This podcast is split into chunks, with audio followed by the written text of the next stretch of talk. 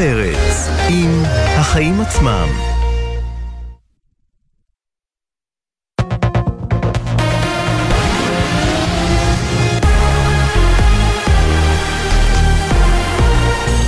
גלי צה"ל השעה 6, שלום רב, באולפן הדר ויסמונסקי ויינברג עם מה שקורה עכשיו. המשא ומתן הקואליציוני נמשך.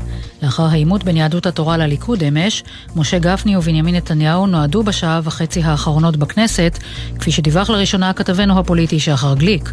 חבר הכנסת מיקי זוהר מהליכוד התייחס למתיחות בין המפלגות אצל ירון וילנסקי ביומן הערב ואמר, בסוף כולם יהיו בסדר וכולם יתיישרו. נכון, יש תמיד ויכוחים ואי הבנות ואי הסכמות, ככה זה בכל משא ומתן, אבל בסוף אנחנו כן יודעים להגיע להסכמות ולהבנות בין השותפות שהלכו איתנו דרך יד ביד, שנה וחצי של אופוזיציה קשה, היו לצידנו ממש כתף אל כתף.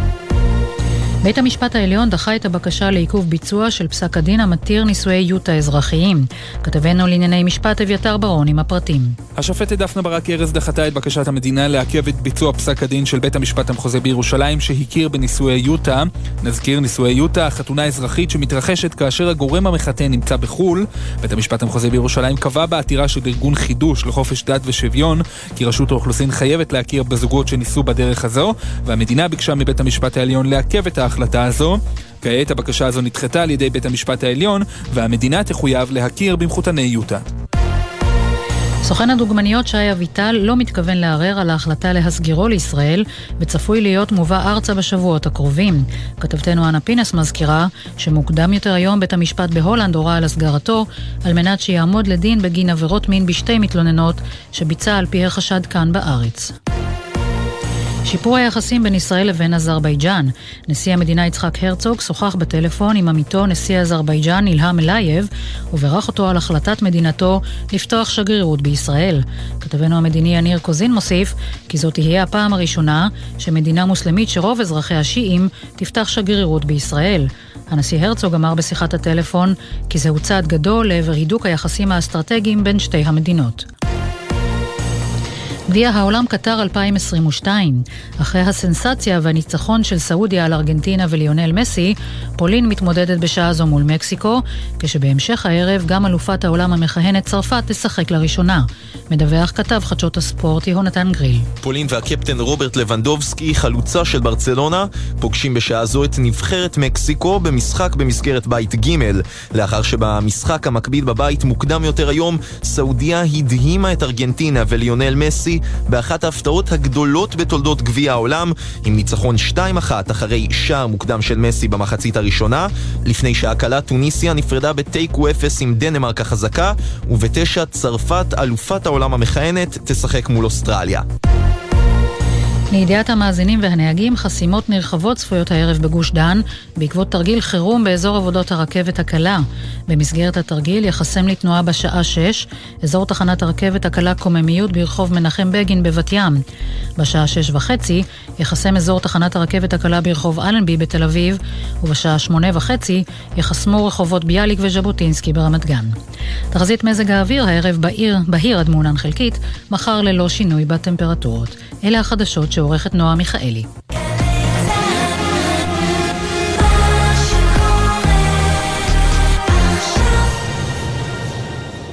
בחסות רשת ביתילי, המציעה לכם לפנות מקום בבית למבצעי Black Friday, בהנחת 40 ועד 80 אחוז על מגוון פריטים באתר ובסניפי ביתילי. בחסות מחסני חשמל, המציעה מבצעי Black Friday בכל חודש נובמבר. מבצעי נובמבר ברשת מחסני חשמל. בחסות אייס, המציעה לכם את מבצעי Black Friday עם מגוון מוצרים לבית, כי גם הבית שלכם רוצה לפרגן לעצמו במבצע.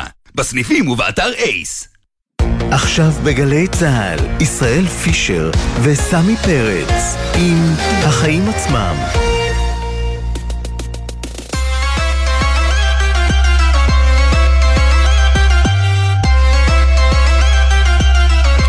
עכשיו שש וארבע דקות, אתם על החיים עצמם, התוכנית הכלכלית-חברתית של גלי צה"ל, באולפן, סמי פרץ, ואיתי ישראל פישר, מה קורה ישראל? ברוך השם, הכל טוב, אני אוהב את הימים האלה של הגביע העולמי בכדורגל, אנחנו יושבים פה. בעיקר שיש הפתעות, כן. כן, היום הייתה הפתעה נחמדה, ועכשיו אנחנו אה, יושבים באולפן ו... במרקע מאחוריי יש כן, את ה... הפתעה נחמדה זה אומר שאתה בעד ערב הסעודית. יפה. אני לא בעד ערב הסעודית, אני בעד יצאת- משהו מעניין. זהו, יצאת מאוד לוקאלי, כן. כן. אה, טוב, יאללה, אז מה אה, מה יש אבל למרות היום? שאנחנו אוהבים את זה, יש כאלה שאצלם אה, קצת אה, פחות טוב היום, כמו נוטלי המשכנתאות, אחרי אה, העלאת הריבית בעוד חצי אחוז, שהם גילו אתמול שהחזר המשכנתה שלהם יתייקר בעוד כמה עשרות שקלים בחודש הבא, תלוי בגובה המשכנתה, ובינתיים נראה שזה לא ממש עליית הריבית האחרונה לתקופה הקרובה. לא, בהחלט לא. אנחנו נדבר על כך ונברר, האם זה בכלל, אתה יודע, גורם לרוכשי דירות לחשוב, לשקול, למכור אותן בגלל ההחזר החודשי הגבוה, לעבור לשכירות, מחשבות כאלה הרי חולפות בראש של אנשים. אנחנו נהיה גם עם מנהל רשות המיסים ערן יעקב, שיספר על המאמצים שלהם לגבות כספים מחשבונות סודיים של ישראלים בבנקים ברחבי העולם, ונעשה איתו את החשבון של השפעת ביטול מס הסוכר על קופת המדינה. לא מעט כסף זה הולך להיות. כן, זה הרבה כסף, זה מס הסוכר ועוד כל מיני מיסים. מאיפה יבוא ו- הכסף? כן, שנשאל את אותו. המלח, מה הם יעשו? נשאל אותו. אה, נעסוק גם בדוח חדש של אה, משרד הבריאות שיצא היום, הוא מצביע שוב על הפערים העצומים בבריאות בין שכ- אה, שכבות סוציו-אקונומיות שונות. ידעת, סמי, שנשים ממעמד כלכלי-חברתי נמוך סובלות מסוכרת יותר מפי שניים מנשים ממעמד כלכלי-חברתי גבוה? זה מדאיג, וזה לא הממצא המדאיג היחיד במחקר כן, הזה. ידעתי, ואני יודע שלהיות עשיר ובריא זה בדרך כלל עדיף מאשר להיות עני וחולה. האמת. שהעיתוי פרסום הדוח הזה נשמע מעניין, הרי ערב ביטול מס הסוכר אתה בא ומבטל את המס שעשוי לשפר את הבריאות של אותם אנשים. אה, שאלה מעניינת. אנחנו נסיים עם מיזם הרחפנים הלאומי. רחפנים. מיזם רחפנים, כן, רחפנים, אתה מזמין משהו, איזה משלוח, מגיע לך רחפן, שם לך את זה בחצר. אה, אז עכשיו מסתבר שהמיזם הזה, הוא היה, עשה איזשהו פיילוט, ועכשיו הוא נכנס לשלב השני שלו, אה, ואנחנו נבדוק האם בקרוב נראה את שמי הארץ מלאים ברחפני משלוחים. נהיה עם שניים שאולי ידעו לתת לנו את התשובה. אולי בקרוב נוכל להתנייד אה, ממקום למקום באמצעות רחפן כזה או אחר, אבל זה עוד אה, נראה לי מדע בדיוני. חזון למועד. כן, אז יש לנו שעה עם הרבה מאוד אה, נושאים שאנחנו רוצים לטפל בהם, אבל קודם כל, סמי, מה הכותרת שלך? הכותרת שלי היא טיפ לממשלה הבאה, שלא תעשה את הטעות של הממשלה היוצאת. או, זה כבר שווה הרבה כסף בדיוק, זה לממשלה שווה הבאה. כסף, אני מבקש מהממשלה הבאה לעצור רגע בצד, לרשום את? הטיפ הזה. אז תשמע, אנחנו מדברים כאן הרבה על מחירי הדירות, והשבוע שמענו לא מעט הערכות שמחירי הדירות ימשיכו לעלות, כי הקבלנים והבנקים לא בדיוק מתרשמים מעליית הריבית, והם יתאימו את ההיצע למצב החדש, מה שימנע ירידת מחירים. אבל השחקן הכי חשוב פה זה הממשלה, והממשלה יוצאת טעתה. כי למרות שהיא שיווקה יותר קרקעות, כמה מהשרים שלה, ליברמן ושקד ואלקין, לא הפסיקו לפזר תחזיות שמחירי הדירות רק יעלו. ומה שקרה זה שהציבור, בדרך כלל שלא מאמין לפוליטיקאים, הפעם הוא האמין לפוליטיקאים, והוא רץ לקנות אה, דירות, והמחירים כידוע זינקו ב-20% בשנה האחרונה. אז הממשלה החדשה לא צריכה לחזור על הטעות הזו, היא צריכה להכריז עם הקמתה שהיא מתכוונת לבלום את עליית מחירי הדירות ולעשות כל מה שנדרש לשם כך, ואתה יודע מה? אפילו להציב יעד אגרסיבי ולנסות לעמוד בו, ואם לא תעמדו בו, יש לכם אה, ארבע שנים, ככה זה נראה כרגע, אה, לתקן את זה. אתה יודע מה זה אם היא לא מזכיר לי? תעשה את זה, זה אומר שלממשלה החדשה אין בכלל בעיה עם מחירות, מחירי הדירות, ולכן הם ימשיכו לעלות. אתה יודע מה זה מזכיר לי? את אה, נגיד הבנק המרכזי של אירופה לשעבר, מריו דרגי, סופר מריו כינו אותו, שבשיא המשבר ביבשת, לפני שמונה שנים, הוא אמר, נעשה כל מה שצריך כדי להילחם במשבר הזה. והנה המשקיעים האמינו לו והוא באמת עשה כל מה שצריך כדי להילחם במשבר וזהו פשוט התווה את הדרך למדיניות שלו וסייע בכך הרבה מאוד לכלכלות אירופה. כן, אז פה לא מסתכלים על זה כעל משבר, אני חושב שמסתכלים על העובדה שכמעט 70% מהציבור הם בעלי דירות, ואז אומרים מחירי הדירות עולים, הם שמחים, אנחנו שמחים, קבלנים שמחים, הבנקים שמחים, היחידים שלא שמחים. אבל מה איתי? אני דירה. אתה, אתה. היחידי שלא שמח. אז כן. אה, מאחר ואתה לא שמח, מה הכותרת שלך להיום? אני רוצה לדבר... חוץ מזה שאתה לא שמח. חוץ מזה שאני לא שמח, כן. אני רוצה לדבר על אה, דוח שפרסם אתמול המשרד להגנת הסביבה. לפני הכל אני אגיד שפליטות מזהמים וגזי חממה זה דבר רע. אבל המשרד פרסם דוח שחושף עד כמה ייצור גז טבעי פולט לאוויר אה, גז מתאן, שזה גז חממה שהוא חמור יותר מפחמן דו-חמצני לצורך העניין, והוא גורם להתחממות הגלובלית שכולנו מרגישים.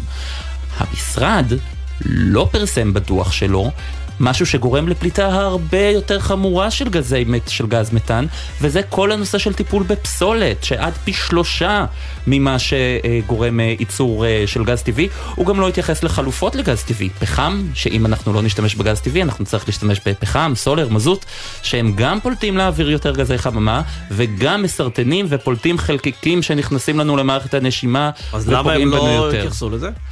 שאלה טובה, ניסיתי לשאול אותם, הם אמרו שהם מתמקדים עכשיו רק במתאן. אבל קודם כל אני חושב שהמשרד צריך לדאוג לטפל בנושאים שקשורים אליו.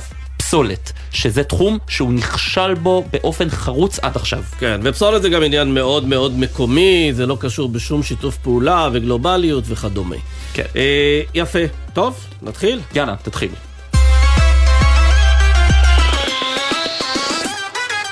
אז רשות המיסים אה, פנתה בעצם למשהו כמו 220 ישראלים אה, ושלחה להם מכתבי אזהרה על כך שיש להם חשבונות בחו"ל והם לא דיווחו על החשבונות האלה.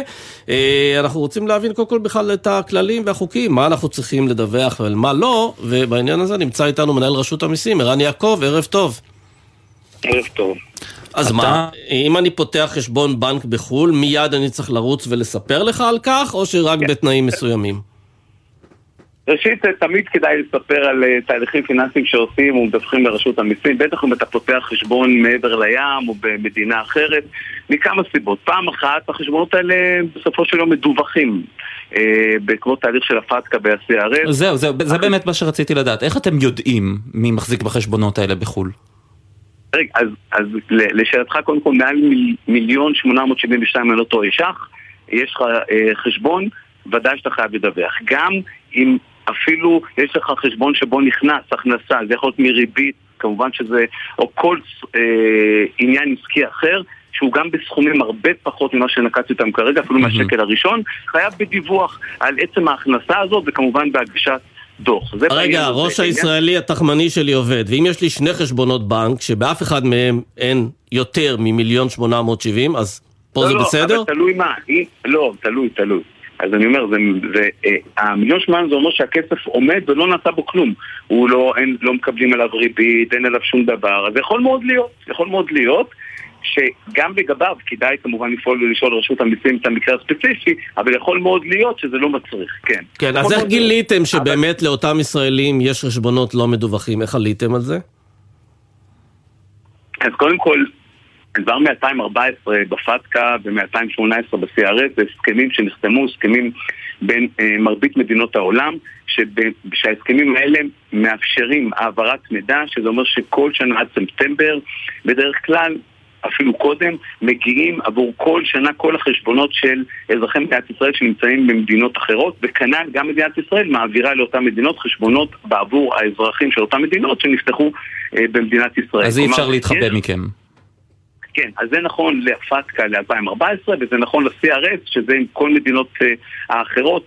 90 אה, מדינות אחרות, שזה מ-2018. רגע, ואז אתה לא... שולח מכתב לאותו אדם, ואתה אומר לו, תשמע, לא דיווחת על החשבון, ומה קורה כתוצאה מהמכתב? זה מין נו נו לא. נו כזה? מה זה?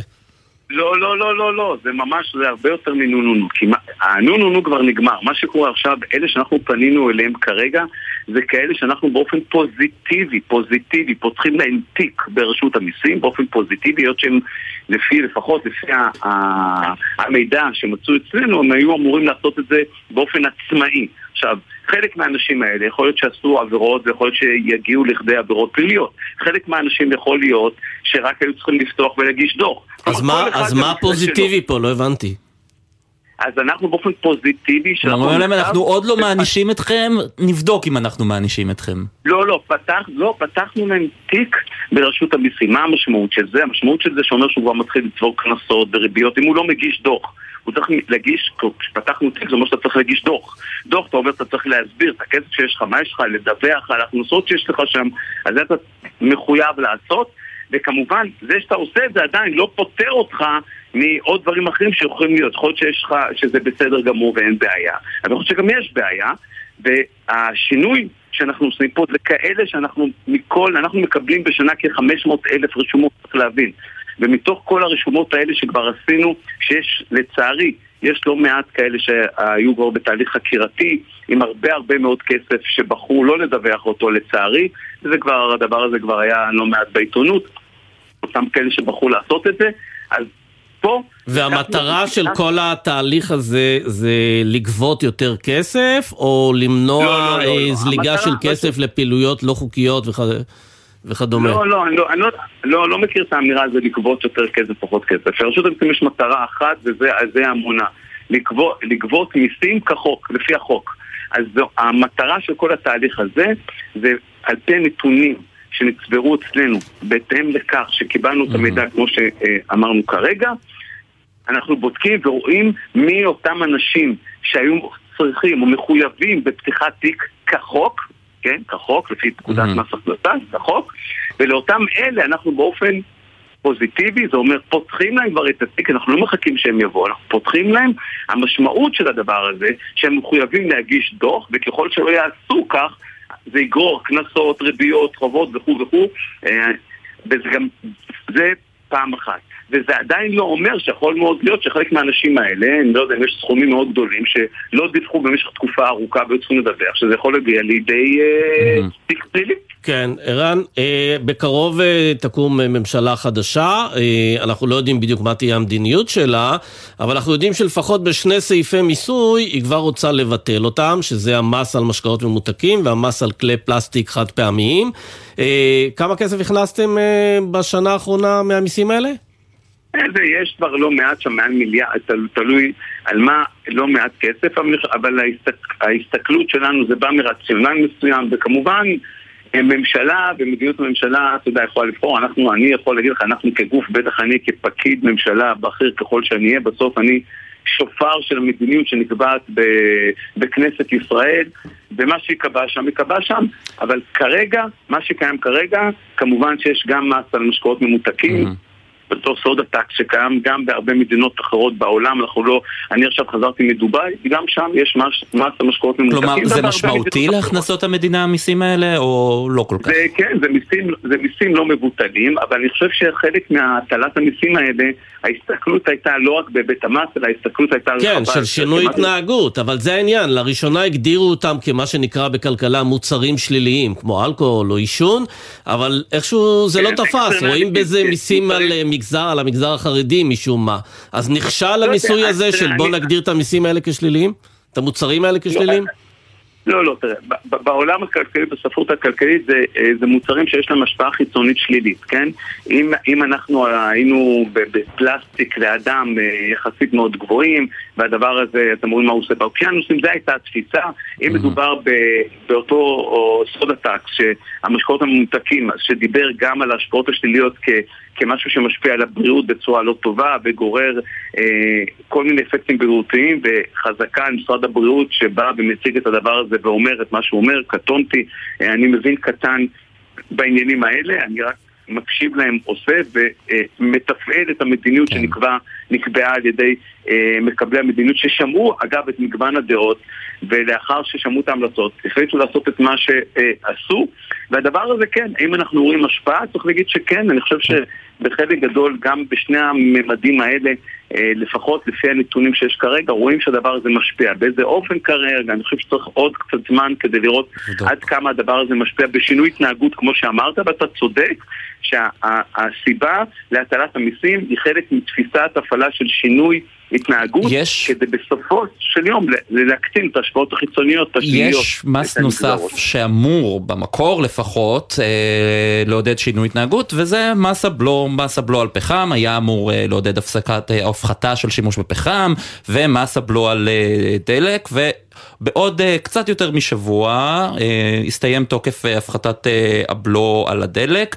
אתה חושב שצריך להעריך אותו מבחינת הכנסות המדינה, את הפטור הזה, או שהמדינה יכולה, או רשות המיסים, ההכנסות ממנה לא כל כך קריטיות מהמס הזה?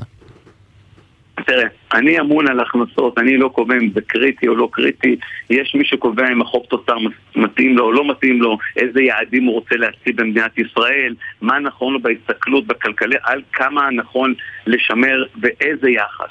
אני כן יכול להגיד לך, לפחות ברמה המקצועית, שהטלת בלו על דלק כדלק שיש לו השפעות חיצוניות שליליות, כמו שדיברנו על זה כרגע. הוא יוצר אה, זיהום, הוא יוצר גודש, הוא יוצר תאונות דרכים, כלי הרכב, יש המון סייד אפקט, הוא יוצר תפיסת מקום, כן? תחשוב... אגב, יש לו גם הרבה מאוד השפעות חיוביות כתוצאה מדלק. אנשים אה, מגיעים ממקום למקום, וסחורות מגיעות ממקום למקום, הוא גם תורם לפעילות הכלכלית, אי אפשר להתכחש לזה.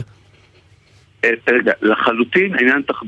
תחבורתי יש לו משמעות והשפעה. אבל כרגע, המצב שבו אנחנו נמצאים בעולם של גודש כמו שאנחנו נמצאים, אז הדבר הזה כמובן מעיק על חלק אה, אה, מהתוצר אה, הישראלי. ולדבר הזה יש השפעות. אז אנחנו לא אומרים לא, אבל, אבל חלק מהתפיסה של למסות מוצרים עם השפעות חיצוניות שליליות זה שמי שגורם לנזק לפחות ידע להחזיר לציבור עבור הנזק שהוא מייצר, כן? זה כן. ה... אגב, לקראת הקמת הממשלה החדשה, אה, מגיעים אליך, עולים אליך לרגל אה, ראשי הקואליציה המתהווה, אה, מתחילים לברר כל מיני דרישות בתחום המיסוי, בתחום הפטורים, שואלים שאלות? לא, אני באופן אישי, כמובן מי ששואל אותנו שאלות, אנחנו עונים לכל אחד ששואל שאלות בענייני מיסוי. אה, זה תפקידנו להעביר אה, ולאפשר ולהביא את הידע הזה גם לציבור, וכמובן, בטח ובטח לנבחרי הציבור, ככל שיש להם שאלות מיסויות. בגין מדיניות או כל דבר שעולה, ודאי חד משמעית. כן. עכשיו אה, שאלה, אנחנו מדברים הרבה על אה, נדל"ן בימים האחרונים, בתקופה האחרונה, בטח לאור עליות מחירים ועליית הריבית אתמול. מה אתה חושב שצריך להיות הפתרון מבחינת מיסוי על דירה שנייה, דירה שלישית? אה, אתה רואה בזה כלי שיכול לשמש להרגעת שוק הנדל"ן? שוב, אני לא רוצה להיכנס, אני, דעתי כרגע לא חשובה, אני רק כן ניתן לך... לא, לא, כאיש מקצוע, לא כדעה. לא, אז אני אומר לך, כאדם שנמצא הרבה שנים בתוך העולם האוצרי, ובכלל אני יכול להגיד לך שבעולם של שוק הדיור, אה, אמרו את זה חכמים ממני, יגידו את זה כנראה גם אחריי, אני לא ממציא פה שום דבר, ובסוף זה עצה, עצה, עצה. בסדר? וכשמסתכלים על זה אני חושב שלפחות נעשו לא מעט מהלכים, אם זה להגדיל את התחלות הבנייה, שהן התחלות בנייה של שיא של עומדים על 72 אלף, אם זה להגדיל את הדירות אה, אחרי היתר, שגם הם נמצאים בשיא של 50 אלף אם אני לא טועה. ו- וכן, לשאלתך לעניין המיסוי, גם שם נעשו מהלכים, לדוגמה מיסוי דירה שנייה והמס של 8%, אנחנו כן יודעים ברמה העובדתית, ואת הדבר הזה אפשר לראות דרך הנתונים, שהדבר הזה השפיע והחליף לפחות את אותם מרובי דירות בכאלה אה, מחזיקים שלא היה באולצם דירה והפכו להיות דירה ראשונה. אז אני חושב שחלק ממה שהמחוקק או הנבחרים רצו להגשים, באמת רצו להשפיע על, על, על, אותם, אה, על אותם משקיעים, כן? ובאופן הזה להגדיל את ההיצע לכאלה שלא מחזיקים דירות ולאפשר את התחלופה הזאת. כן, רק שאלה ממש אחרונה. בעניין הזה, בעניין הזה כשמסתכלים על הנתונים לפחות, אז רואים שזה די צלח. האם זה טווח קצר, איך זה בטווח ארוך, לא יודע.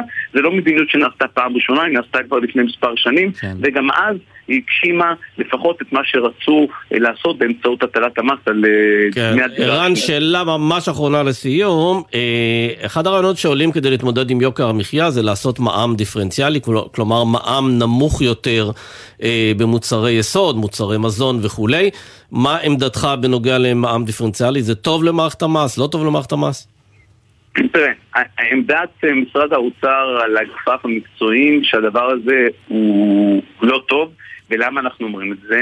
כי אומר את זה הבנק העולמי, ואומר את זה ה-OECD, ואומרים את זה מדינות אירופה שבהן יש מע"מ דיפרנציאלי, טוענות שהדבר הזה בעולם של shifting, בעולם של בעיות אכיפה, בעולם שהוא לא מסביר ולא לא מאפשר בסופו של יום, תחשוב אפילו תעלה בדעתך, אני עושה את זה בחצי אה, הלצה.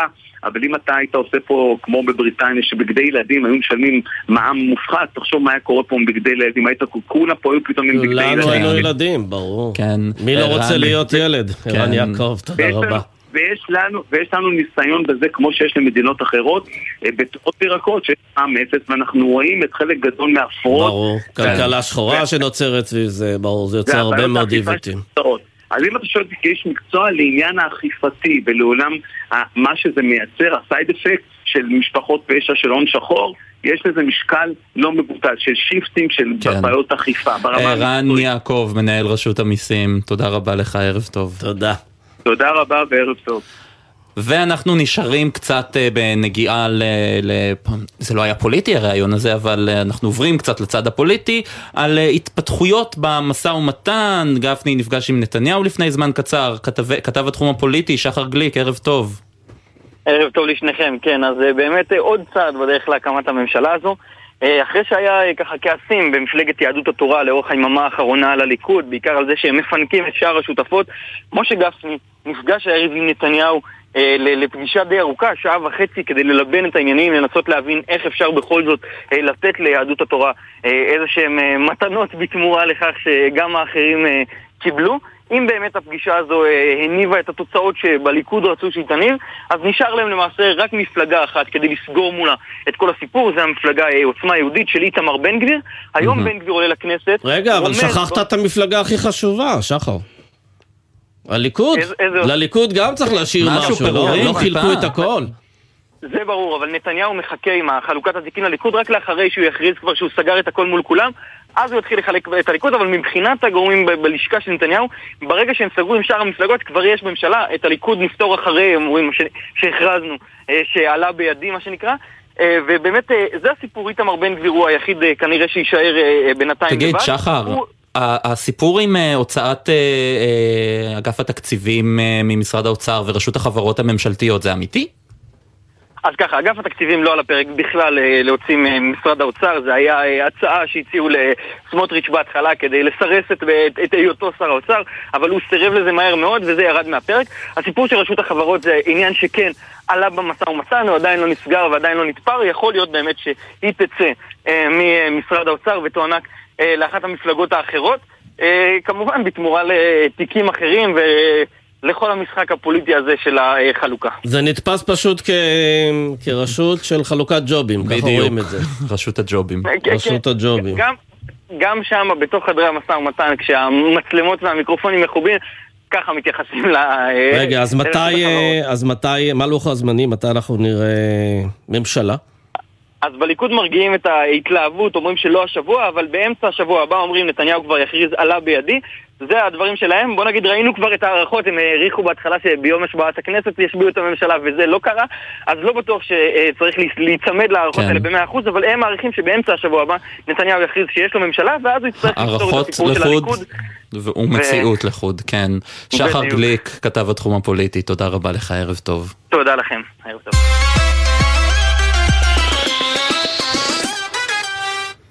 דיברנו אתמול על אה, העלאת הריבית וההשפעות שלה על המשק שמייקרת משכנתאות והיום פורסם דוח של הכלכלנית הראשית במשרד האוצר שמצביע דווקא על האטה מסוימת בשוק הנדל"ן, אנחנו לא רואים את זה במחירים, אבל למי שכבר נטל משכנתה הוא מרגיש את זה טוב טוב בהחזר החודשי. כן, כן, ואנחנו אה, יכולים אה, להגיד עכשיו אה, ערב טוב לאבי, שהחזר המשכנתה שלו עלה במאות שקלים בחודש. ערב טוב, אבי. ערב טוב. אתה אה, לקחת משכנתה לאחרונה וסופג את אה, עליות הריבית. תספר לנו איך זה משפיע עליך. כן, לקחתי משכנתה לאחרונה, לפני כשלושה חודשים, וכשהתחלנו לקחת את המשכנתה בעצם לקחנו סכום של 996 אלף שקלים, כשבעצם התחילה עליית הריבית של בנק ישראל. כמובן שידענו על זה, ידענו שהולכת להיות עלייה, אה, ביקשנו החזר שהוא יחסית, אה, יחסית גבוה אמנם, 4,600 שקלים, אה, אבל לא תיארתי לעצמי שזה יגיע למצב של אה, ח- 5,200 נכון לעכשיו. 600 שקלים תוך שלושה חודשים מהרגע שלקחת משכנתה? כן. כן. ולכמה שנים לקחת את ההלוואה? 30 שנה. אהה, ויש לך עכשיו כרגע רעיונות אה, מאיפה מביאים את ה-600 שקלים האלה? האמת שלא, אני חושב על אה, הכנסה נוספת. זה משפיע על התקציב המשפחתי למשל, על ההתנהלות שלכם אה, ביום-יום? כן, לגמרי, זה משפיע על חוגים של הילדים, זה משפיע על אה, קניות בסופר. מה, אתה מרגיש שאתה מצמצם קניות אחרות כדי לממן בעצם את המשכנתה? אני מרגיש שאני מצמצם, אני מרגיש שאני נכנס למינוסים בגלל זה, וזה מצב לא נעים, ועכשיו, מה גם שאני יודע שזה הולך לעלות, כל תחזיות אומרות שזה הולך לעלות עוד. כן. במה אתה עובד, אז, אבי? אה, אני עובד בהייטק. וגם אשתך עובדת? אשתי כרגע לא עובדת. וכשלקחת את המשכנתה, אז אה, אמרו לך, העלו את החשש אה, שהריבית עוד עשויה להמשיך לעלות? כי לפני שלושה חודשים דיברו על זה קצת, לא? לגמרי, לגמרי אמרו לי שזה הולך לעלות, הולך להגיע לתרחישי קיצון, וידענו מזה, כן. למרות זאת לקחנו, אמרנו שנלך על ההחזר הגבוה, יחסית, כן. אבל לא, לא, לא טענו לעצמנו שזה פשוט, פשוט הולך ועולה ו- והולך להגיע ליותר, סכומים יותר גבוהים. כן, אגב, אם לקחת ל-30 שנה, אה, אין ממש אפשרות להגיד לבנק, תפרסו לי את זה ליותר שנים. זה המקסימום 30 שנה, נכון? אמת, נכון. אז בואו רגע נצרף לשיחה את uh, שקד כהן, שהוא יועץ משכנתאות, הוא מייסד חברת uh, ייעוץ for you. Uh, ערב טוב. ערב טוב. שקד, אתה שומע את מה שאבי אומר, מה, מה אתה יכול להמליץ לו לעשות בשלב הזה? אה, שמעתי את מה שאמר, אני מאוד מצטער על זה. אה, בעיקרון הוא צריך להבין שהוא נמצא בין הפטיש לסדן, בנק ישראל. בסופו של דבר יש את הבעיה שהיא האינפלציה, ויש את הפתרון שהיא בעצם העלאת ריבית הפרט. בשני המקרים הוא מקבל בעצם את המכה, גם באינפלציה שיש לו, יש לו מסלולים.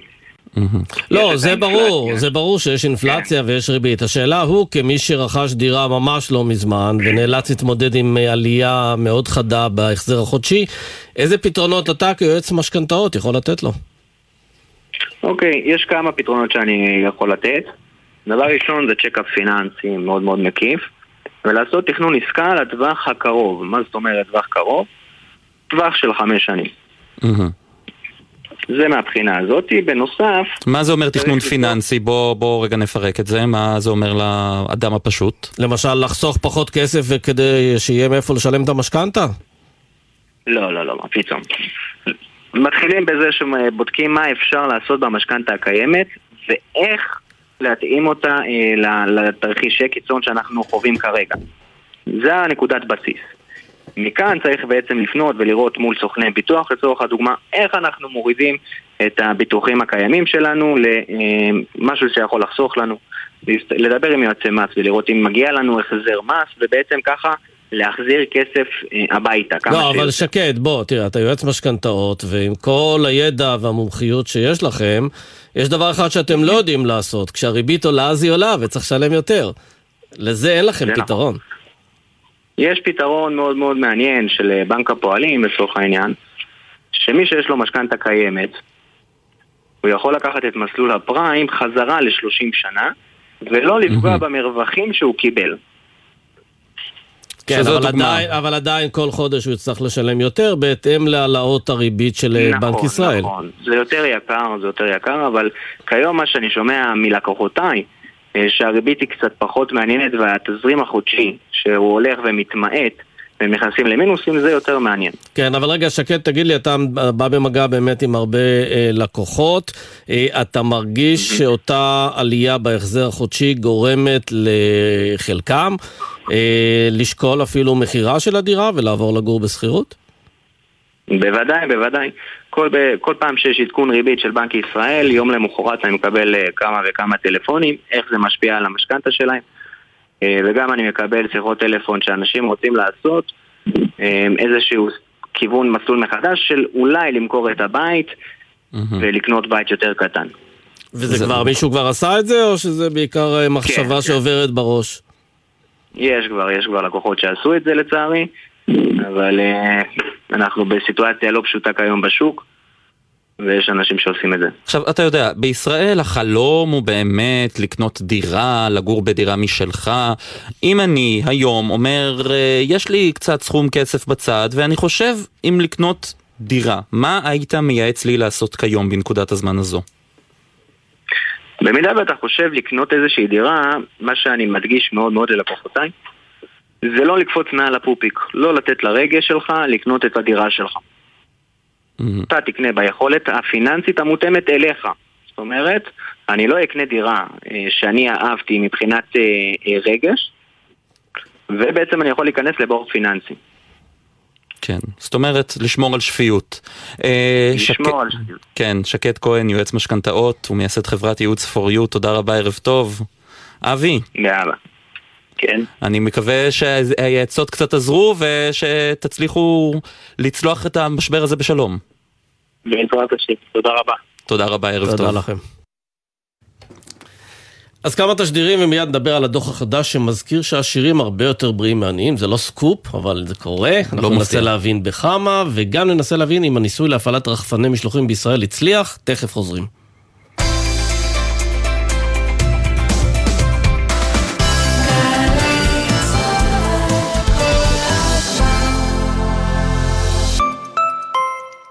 שלום, כאן לימור לוריה, הסמנכ"לית וראש אגף השיקום במשרד הביטחון. ועידן קליימן, יושב ראש ארגון נכי צה"ל. לקראת יום ההוקרה לפצועי מערכות ישראל, אנו מזמינים אתכם לצעוד איתנו, להוקיר את נכי צה"ל ולהצדיע להם.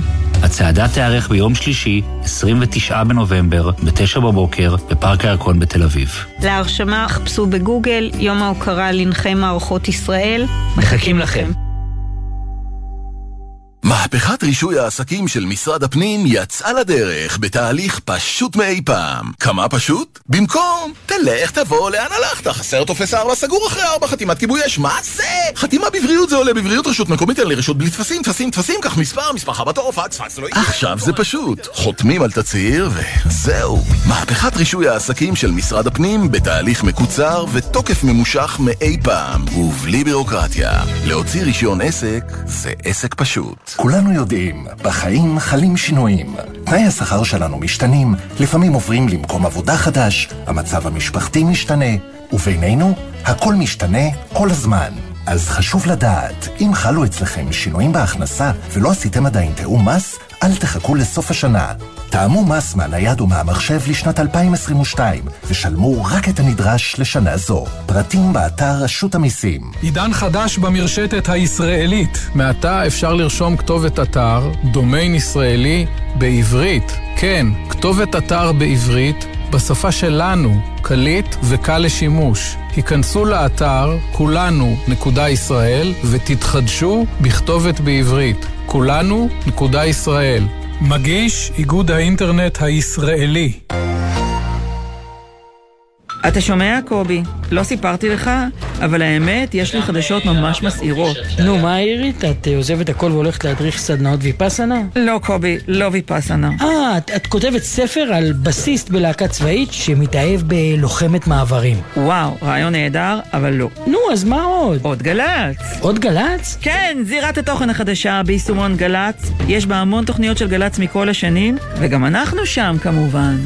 גלי צה"ל גאה להציג עוד גל"צ, זירת התוכן האיכותית בישראל. חפשו את לשונית עוד גל"צ בעמוד הראשי של יישומון גל"צ גלגלצ ותוכלו ליהנות מקשת התכנים המלאה של שידורי גל"צ. חדשות, תרבות, מוסיקה, היסטוריה, תוכניות ארכיון, הופעות חיות, הסכתים ותכנים בלעדיים. היכנסו עכשיו לעוד גל"צ ביישומון גל"צ גלגלצ. עכשיו בגלי צה"ל, ישראל פישר וסמי פרץ עם החיים עצמם. חזרנו, ואנחנו רוצים אה, לעבור עכשיו לדוח די מטריד שמלמד אותנו שיש דברים שלא מצליחים לשנות במדינה, הוא מלמד על פערים מדאיגים בבריאות בין אה, שכבות חברתיות כלכליות. איתנו כתבתנו לענייני בריאות, טל אור מאירסון, ערב טוב. ערב טוב ישראל וסמי, כן, הדוח שהתפרסם הבוקר, דוח התוכנית הלאומית למדדי איכות ברפואת הקהילה, שנת 2021, פרסם היום המכון הלאומי לחקר מדיניות הבריאות, כמה מגמות מעניינות, חלקן גם מדאיגות, לצד עלייה כללית בשיעור המעשנים ובהשמנת יתר, בולטת גם ההשפעה של הפערים הסוציו-אקונומיים על הבריאות של האזרחים. כמה דוגמאות אה, מתוך הדוח, נשים במצב סוציו-אקונומי נמוך סובלות מסוכרת יותר מפי שניים מנשים במצב סוציו-אקונומי גבוה, שיעור הגברים המעשנים ושיעור השמנת היתר בנשים במצב כלכלי חברתי נמוך גבוהים פי שניים מהשיעורים במעמד הגבוה. אה, ועוד, למרות שבשנה שעברה חלה עלייה בשיעורי ביצוע בדיקות לגילוי מוקדם של סרטן צוואר הרחם, כחצי מהנשים שמוגדרות במצב סוציו-אקונומי נמוך לא מבצעות אותה, לעומת כ-18% מהנשים מהעשירונים הגבוהים שלא נבדקות. גם על החיסונים לשפעת, מדברים עליהם סביב החורף גם עכשיו, אה, המצב הכלכלי-חברתי משפיע. ב-2021 2021 היה פער של כ-17% בין העשירונים הגבוהים לנמוכים בהתחסנות לשפעת בקרב בני 65 ומעלה. לפערים כלכליים יש השפעה על הבריאות, זה לא חדש, אבל הנתונים האלה מציפים את הבעיה הזו ומזכירים לנו שהיא עדיין כאן. טלור, תישארי איתנו, אנחנו רוצים אה, לפנות עכשיו לפרופסור אה, חגי לוין, יושב ראש ארגון אה, רופאי בריאות הציבור מאוניברסיטה העברית בהדסה, ערב טוב. ערב טוב ישראל, ערב טוב סמי. אז איך מסבירים את הנתונים האלה שכל פעם צפים מחדש ולא מצליחים לסגור את הפערים, אולי הם אפילו רק מתרחבים? אנחנו הפקרנו את הבריאות שלנו לידי uh, אותם גורמים מסחריים שרוצים למכור לנו את הסיגריות ורוצים למכור לנו את המשקאות המתוקים שגורמים לסוכרת ולהשמנה.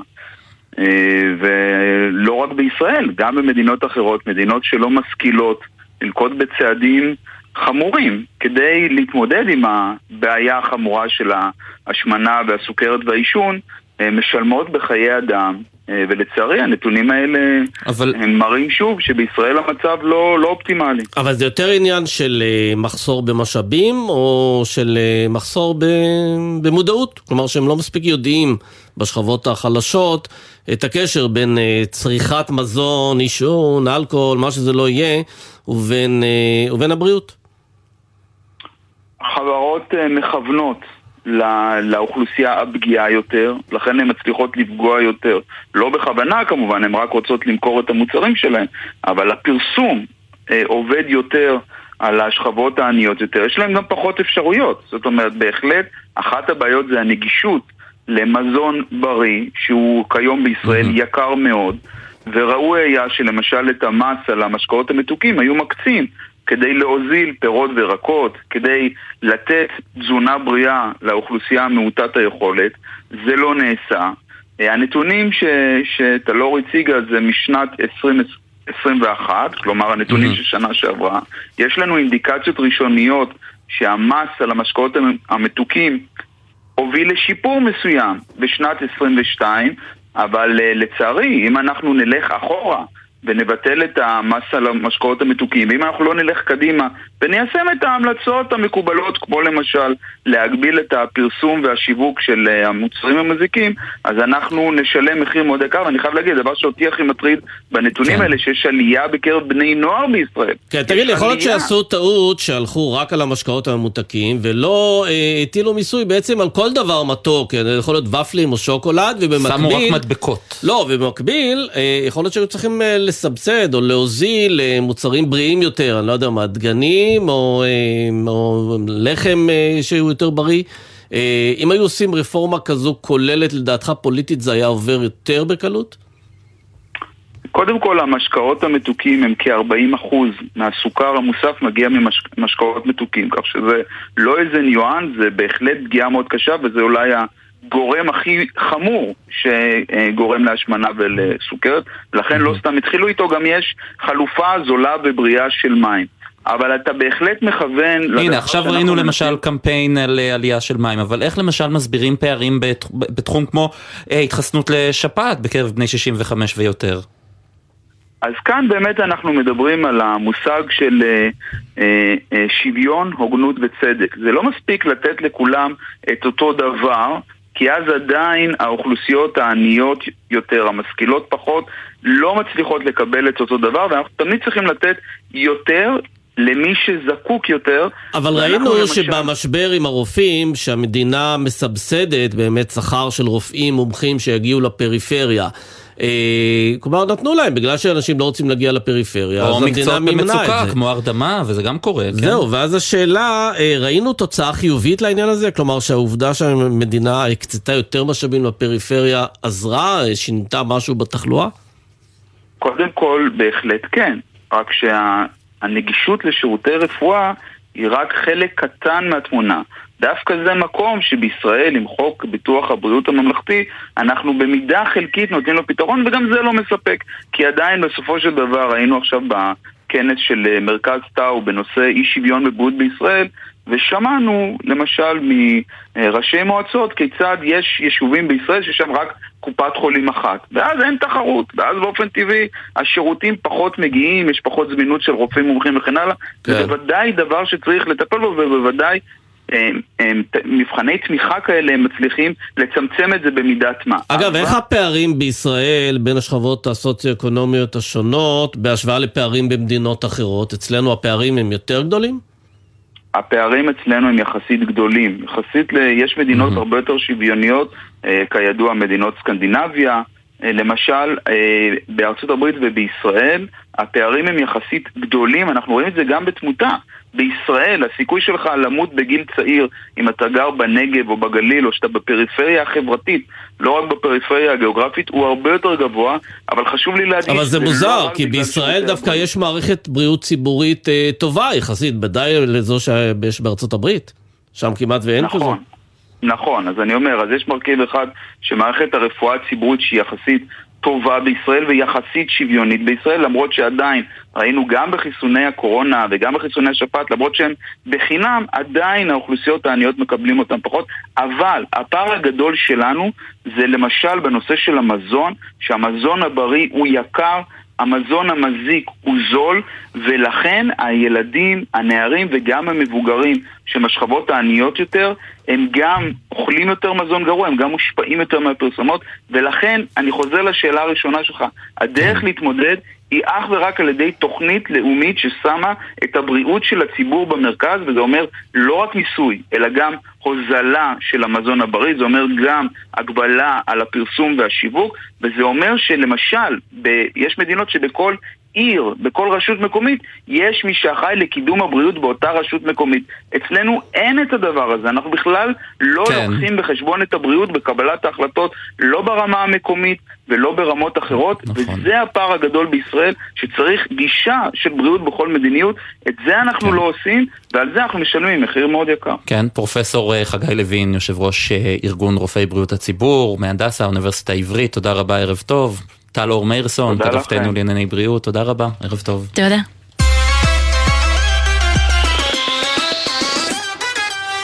טוב, כמו ששמעת, מחלבות אה, רמת הגולן נמצאות בבעיה על סף אה, פשיטת רגל, הקפאת הליכים, אה, בשורה לא טובה, ודאי כשכל חברות החלב האחרות, תנובה וטרה ושטראוס כן, מעלות מחירים. כן, דיברנו כאן השבוע עם יושב ראש ארגון מגדלי, יו"ר ארגון מגד, מגדלי הפרות, הרפתות בישראל, שסיפר לנו, האשים קצת את הממשלה בזה שהתמהמהה בהעלאת... כן.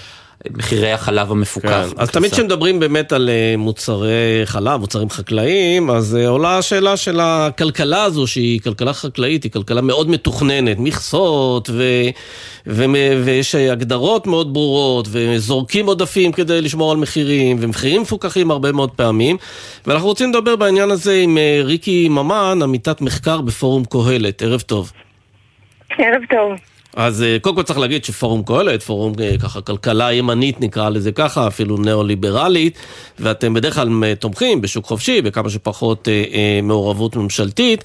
אה, חקלאות בהרבה מאוד מדינות אה, היא גם מאוד ריכוזית, והיא גם איכשהו אה, אה, נתמכת מאוד על ידי הממשלה בדרך כזו או אחרת. כלומר, כל מדינה אומרת, חקלאות טובה, אני רוצה שיגדלו את הדברים, אני צריכה שיהיה לי חלב זמין, ועגבניות, מלפפונים וכולי, אבל אתם עושים כל מיני מחקרים. חקלאים, וכשאתם מסתכלים על הכלכלה הריכוזית הזו שיש בחקלאות, יש לכם רעיונות איך מצמצמים את הריכוזיות הזו? בוודאי, יש uh, המלצות uh, לא, לא רק של פורום קהלת, אלא המלצות uh, של ארגון ה-OECD וארגונים אחרים בעולם. Uh, צריך להגיד שגם מדינות שתומכות בחקלאות, הן עושות זאת בדרך כלל בצורה ישירה, באמצעות סובסידיות ישירות לחקלאי, ולא כמו שעושים בישראל, בצורה עקיפה, עם הרבה מאוד uh, מכסים ומכסות ומשטר תכנון ומכסות ייצור ומחירים מפוקחים, uh, מערכת שמייצרת uh, הרבה מאוד חוסר יעילות. בעלויות מאוד גבוהות שמתגלגלות לצרכנים. אז מה, לפתוח את השוק ברורה. לחלוטין היום ולהגיד שאין יותר מכסות למכירת ביצים או חלב? כי היום המצב הוא שאם יש לי לול תרנגולות, אני לא יכול למכור כמה ביצים שאני רוצה, הם מגבילים אותי, נכון? בוודאי, זה, אה, אה, דיברתי קודם עם אה, בחור צעיר בהפקה שלכם וניסיתי להסביר לו איך עובדת שיטת המכסות בביצים ובחלב בישראל והוא פשוט לא הצליח להבין אותי מרוב שזה רחוק מאיתנו, מרוב שזאת שיטה ארכאית מאוד שבה המדינה קובעת מדי שנה כמה ביצים ייוצרו במדינת ישראל, כמה ליטרים חלב ייוצרו במדינת ישראל, ואז מחלקת מכסות, זאת אומרת באמצעות מועצות חקלאיות, ל- לרפתנים וללולנים ש- שהם צריכים לייצר כמות ביצים וחלב מסוימת. ואסור להם למכור יותר מזה.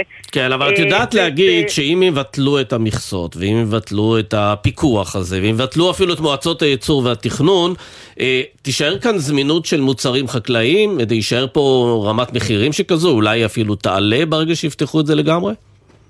תראה, אני, התחרות הפנימית היא רק חלק אחד מהבעיה. הבעיה היא שגם בנוסף למניעת התחרות הפנימית, מונעים גם תחרות מן החוץ ביבוא, אה, שזה בכל כל אורך השרשרת החקלאית. אה, גם ביצים, גם חלב, גם אה, בשר, גם אה, פירות וירקות, אה, מאוד מייקרים את היבוא. אה, וזה הרבה פעמים יכול להיות הפתרון למחסור, למחירים גבוהים. כן, אגב, כן מכון אה, שבו- קהלת, שבו את אה, עובדת, מאוד מחובר לציונות הדתית, וסמוטריץ', אם הוא באמת יהיה שר האוצר, בטח מתחבר לחלק מהרעיונות. האם תגישו לו איזה נייר עמדה שבא וקורא לביטול כל המכסות ומועצות הייצור והתכנון? בהחלט, אני חושבת שנגיש את הנייר הזה לכל מי שיהיה שר אוצר ולא רק לסמוטריץ'. אה, זה, זאת ההמלצה, ההמלצה שלנו שביטול המשטר הזה הוא באמת משטר ארכאי שמייצר גם מחירים גבוהים לצרכן וגם מחסור, כמו שאנחנו רואים אה, בחלב, אבל אז יבואו. החקלאים, כמו שהם באו עכשיו עם שר החקלאות עודד פורר, ויגידו, אתם הורסים את החקלאות הישראלית, משמידים אותה, לא, לא, אפשר, לא נגדל פה יותר כלום. מה אתם עונים לדבר כזה? מדינת ישראל, המתיישבים הראשונים ביססו פה חקלאות אה, יפה, ואנחנו פיתחנו כמה פתרונות חקלאיים אה, משובחים לעולם בגלל זה. בהחלט, ואני חושבת שהמדיניות הזאת היא, היא, בין היתר גם כדי להציל את החקלאות. אני חושבת שהחקלאות הישראלית מאוד מיושנת ולא מספיק חדשנית, אה, יצירתית, מנצלת טכנולוגיות חדשות, וזה בגלל שבאמת היא נתמכת בשיטות ישנות כאלה. אנחנו נמצאים בלולים מאוד מיושנים, יש בהם גם הרבה מאוד מחלות, וזה דברים שמייצרים גם תופעות של בריאות הציבור. זה דווקא להפך, המ- המערכת הזאת אה, מחזיקה את החקלאות אחורה במקום שהיא כן. תתקדם קדימה. יפה, אז ריקי, אנחנו מחכים ל... אנחנו מחכים לנייר העמדה שלכם, תשלחי את זה לסמוטריץ', תשלחי את זה גם אלינו, ואנחנו נדבר על זה שוב. תודה רבה. בשמחה. תודה לכם. תגיד לי, אם עכשיו אנחנו נזמין פיצה והיא תבוא לפה עם רחפן, ותניח את זה בו בתוך האולפן, מתאים לך? מתאים לי, אבל אני צריך להגיד אבל ש... זה לא יקרה, אתה יודע למה? אי. אפשר להכניס את זה לתוך האולפן, אתה צריך את זה אה, רק למי שיש לו איזה גינה פרטית, או מרפסת לפחות, שזה יגיע. אז זה. זהו, אז עשו ניסוי כזה, ואנחנו רוצים לדבר על העניין הזה, עשו אני אבל פיילוט. רוצה, רוצה להגיד גם שעשו ניסויים כאלה בעולם, חברות כמו אמזון וכולי, נכון. אבל הם די נסוגו מזה, ועכשיו גם בישראל עושים אה, פיילוט שני בתחום הזה, ומעניין אה, לשמוע מה נשתנה פה בארץ כן, הקודש. אז נדבר עם אה, יוליה כץ, שהיא סמנכ"לית אסטרטגיה בחברת קנדו דרונס, זה השם? נכון. נכון, וגם עם אה, דרור בין, שהוא מנכ"ל רשות החדשנות, שנמצא איתנו, ערב טוב דרור. ערב טוב. אז נתחיל איתך, יוליה, השלב הראשון של הפיילוט עבר, ותספרי לנו עליו, איך זה עבד. קודם כל אני מנצלת גם את ההזדמנות להגיד אה, תודה והערכה גדולה לדרור וצוות האנשים שלו ושל נתיבי איילון ומנהלת המיזם שעשינו את הדרך ביחד ומגיע להם שאפו ענק על כל המאמצים על הדרך שעשינו. במיזם הראשון בעצם התחלנו לבנות אה, ביחד כולם את התשתית שתאפשר את המשלוחים אה, מסחריים בשטח האורבני. כל מי שהשתתף בו וגם אנחנו כמובן כלומר, מעל הפקקים אה, של נתיבי איילון אנחנו נתחיל לראות רחפנים בקרוב, שיתחילו לחלק משלוחים? אה, זאת הכוונה, ולא רק אה, לחלק משלוחים, אלא גם מספיק שאנחנו אפילו נטיס רחפנים לוגיסטיים כבדים. תחשוב רק על זה שאתה מוריד אה, אה, משאיות מהכביש, עד כמה זה אמור לפנות את התנועה ולשפר את אה, עניין של אה, זיהום אוויר ועומסים ותאונות. כן, והפיילוט הזה נערך בחדרה, אם אני לא טועה? הפיילוט הזה קרה במשך אה, שנתיים, שכל רבעון, שבועיים הטסות מאוד אינטנסיביות בכל חלקי הארץ, מהצפון עד הדרום, מחדרה עד ירוחם, גם בתל אביב, גם במודיעין. אה, מאות אה, גיחות אה, רחפנים במשך אה, שבועיים, במשך שנתיים, שמונה. מופעים, והקרוב האחרון מתוכנן בדצמבר אה, בעיר מודיעין. כמה עולה שעת טיסה של, של רחפן כזה, למשל? אה, זה לא לגמרי מתומחר בשעת טיסה, לפחות כרגע, וזה גם אחד האתגרים שלנו למסחר את התהליך הזה. זה מאוד משתנה בגודל הרחפן, בציוד שאתה צריך להטיס, אם זה פיצה זה צריך להיות חם, אם זה איברים להשתלה זה צריך להיות קר, אם זה מונית אווירית שתטיס אה, אותנו ממקום למקום, אז מחיר אה, אה, שונה, כי הכלי שונה, ויש גם הרבה מאוד ציוד היקפי ומערכות. כן, אז אני רוצה אה, רק לחבר את ה- את דרור לשיחה הזו. אה, כשאתם מסתכלים על התחומים שבהם זה באמת יכול להיות חדשני ולשפר את חיינו בצורה משמעותית, אילו תחומים אה, רלוונטיים במיוחד להטסה ברחפנים? מדובר באמת אה, בסוגים שונים של רחפנים, חלקם אה, למשימות אה, למשל משטרתיות או עירוניות, חלקם למשלוחים ובעתיד גם להטסת אנשים. כל הדבר הזה, כשהוא יגיע לנקודה המסחרית ויופעל בצורה מסחרית, יכול, אה, כפי שנאמר, כפי שיולי אמרה, להוריד בגודש מהדרכים, יכול להוריד אה, פליטות של גזי חממה. אני רוצה רגע להקריא לך משהו מההודעה לעיתונות שהגיעה היום. מיזם הרחפנים הלאומי של ישראל הינו פורץ דרך ברמה בינלאומית ול- ולראשונה נכון. ייושמו בו מהלכים שטרם נוסו בעולם. ספר לי נכון. אילו מהלכים. למה אנחנו כל כך חדשניים פה? נכון, אה, הזכרתם קודם את אה, אמזון. אה, כשאמזון מטיסה רחפן, אז מה שקורה זה שמכיוון שאין רגולציה מתאימה להטסה של מגוון רחפנים באותו תא שטח, אז היא מקבלת למעשה מונופול על השמיים, היא עושה משלוח באיזשהו פרבר בעיר אמריקאית, וזה בדיוק גם מתחבר אולי לשיחה הקודמת שעשיתם, אנחנו לא רוצים ליצור פה מונופולים, אנחנו רוצים לאפשר שבכל המרחב האווירי של ישראל יוכלו לטוס רחפנים מחברות שונות למשימות שונות. זה בעצם... כן, רק לסיום, אנחנו רוצים לדעת איזה תקלות אה, התגלו תוך כדי אה, הפיילוט הזה? אה, לא התגלו תקלות, אנחנו עושים את זה בצורה מבוקרת. שום תקלות, לא. היו תאונות אוויריות בין כן, איך רחפנים? מוודאים שזה לא יתנגש עם איזה מטוס שעובר שם או משהו כזה? ב- ב- זה בדיוק, זו, פריצת הדרך, יש לנו בקרה אווירית אוטומטית, אוטונומית, שיודעת לזהות בכל רגע איפה הרחפן נמצא. אם מטוס אה, מנמיך טוס אה, פתאום אה, שינה גובה, או צנחן צונח, אנחנו יודעים לשנות בזמן אמיתי את הנתיב של הרחפנים. וזה יעבוד גם ה- במספרים הרבה יותר גדולים של רחפנים? כי פיילוט, אתה יודע, זה בכל זאת מספרים קטנים. אנחנו מדברים פה כבר במסגרת הפיילוט, בשלב השני אנחנו מדברים על שבוע טיסה כל חודש, מדובר פה באלפי טיסות רבות במשך שנתיים, אז אנחנו מדברים כבר על, סל, על scale גבוה, במשקלים של עד 150 קילו, במרחקים של עד 150 קילומטר, הטסת אנשים, זאת אומרת זה באמת אה, פורץ דרך ואין אין מיזם כזה בכל העולם. טוב. המטרה שלנו אגב זה יצירת ארגז חול לחברות כמו אה, Cando שיוכלו להטיס פה רחפנים ולצאת אחרי זה לכבוש את העולם, זו המטרה. כן, דרור בין, מנכ"ל אה, רשות החדשנות, ויוליה כץ, המנכ"לית אסטרטגיה ב Cando Drones. תודה רבה, ערב טוב. תודה תודה לכם, ערב טוב לכולם. זהו, לא נודה לעורך שלנו בן נצר, ללירון מטלון שהפיק, ולצידו שחרית פילזר, על הביצוע הטכני אורי ריב ומיכל כהן, עורכת הדיגיטל מיה אורן, מיד אחרינו 360 ביום עם עידן קבלר. תודה גם לך, ישראל פישר. תודה רבה, סמי פרץ. אנחנו נהיה פה מחר עם שי ניב. ביי. כן, חלליות זה לא רחפנים, אבל זה היה קרוב מספיק.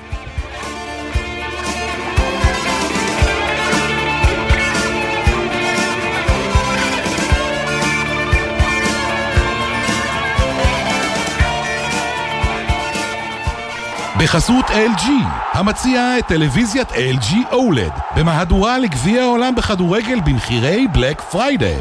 בחסות אוטו דיפו, המציעה מצברים לרכב עד השעה תשע בערב בסניפי הרשת, כולל התקנה חינם. כי כדי להחליף מצבר, לא צריך להחליף לשעות עבודה יותר נוחות. אוטו דיפו. בחסות מחסני חשמל, המציעה מבצעים על מגוון מותגי הטלוויזיה לרגל גביע העולם, המונדיאל. גביע העולם, מונדיאל, ברשת מחסני חשמל.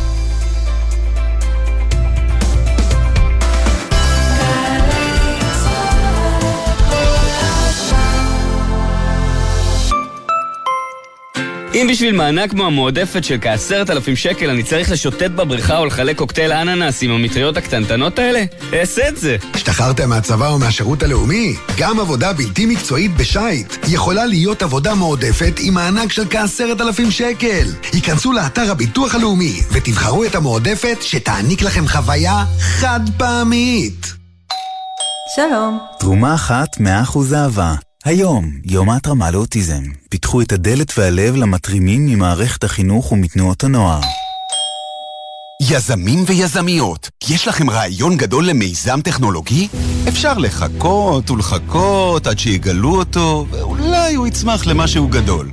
ואפשר להאיץ. הסוכנות לעסקים קטנים ובינוניים במשרד הכלכלה והתעשייה משיקה מחזור חדש של מעופטק, תוכנית מאיצים טכנולוגיים. המיזמים שיתקבלו יוכלו ליהנות ממעטפת מקצועית ותומכת, מליווי אנשי הייטק, מחשיפה למשקיעים ועוד. לפרטים ולהרשמה, האיצו לאתר מעופטק. משרד הכלכלה והתעשייה, מובילים כלכלה אנושית. כפוף לתנאי התוכנית. אז יסמנו לך מאחור, ואולי יצפרו ויגידו שאתה חנון, אז יגידו. אבל אתה לא תצא לעקיפות מסוכנות שאתה לא בטוח שתחזור מהן בשלום. והם, בסוף הם יגידו לך תודה. תודה שאתה מחויב לחיים שלך ושל מי שנוסע מולך ושל כל האנשים שבדרך. הרלב"ד. מיד אחרי החדשות, עידן קבלר.